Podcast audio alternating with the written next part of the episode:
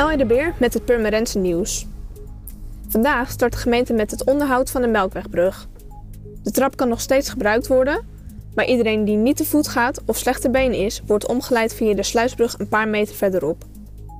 Er wordt gewerkt aan de opening van de Melkwegbrug, omdat er afspraken zijn gemaakt met de provincie dat scheepvaart niet gehinderd mag worden. De brug gaat vrijdag rond de middag weer open.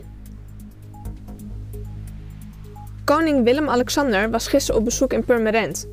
Samen met minister Erik Wiebes van Economische Zaken ging hij kijken naar de voortgang in het aardgasvrijmaken van woningen.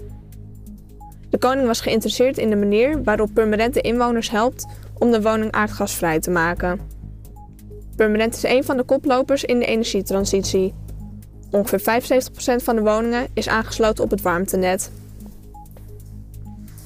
De politie zoekt getuigen van een inbraak afgelopen weekend op een bouwterrein tussen de Nekkerstraat en de Wolgalaan in de Weidevenne.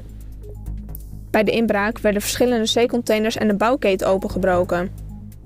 Door de hoeveelheid gestolen gereedschap vermoedt de politie dat de daders de spullen met behulp van een busje hebben meegenomen. Getuigen kunnen bellen met de politie op nummer 0900 8844 of anoniem via 0800 7000. Purmerend zijn drie restaurants die onder verscherpt toezicht stonden van de Nederlandse Voedsel- en Warenautoriteiten. RTL Nieuws heeft de cijfers uit 2017 gisteren bekendgemaakt.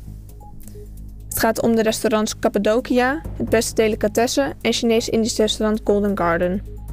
Of de ketens nog steeds onder toezicht staan, is niet bekend. Ook is de kermis in de Weide Venne vandaag weer begonnen. Van 10 tot en met 14 april staat er op het parkeerterrein weer verschillende kermisattracties. De kermis begint vanaf 1 uur. Voor meer informatie kijk of luister je natuurlijk naar RTV Permanent. Volg je onze socials of ga naar rtvpermanent.nl.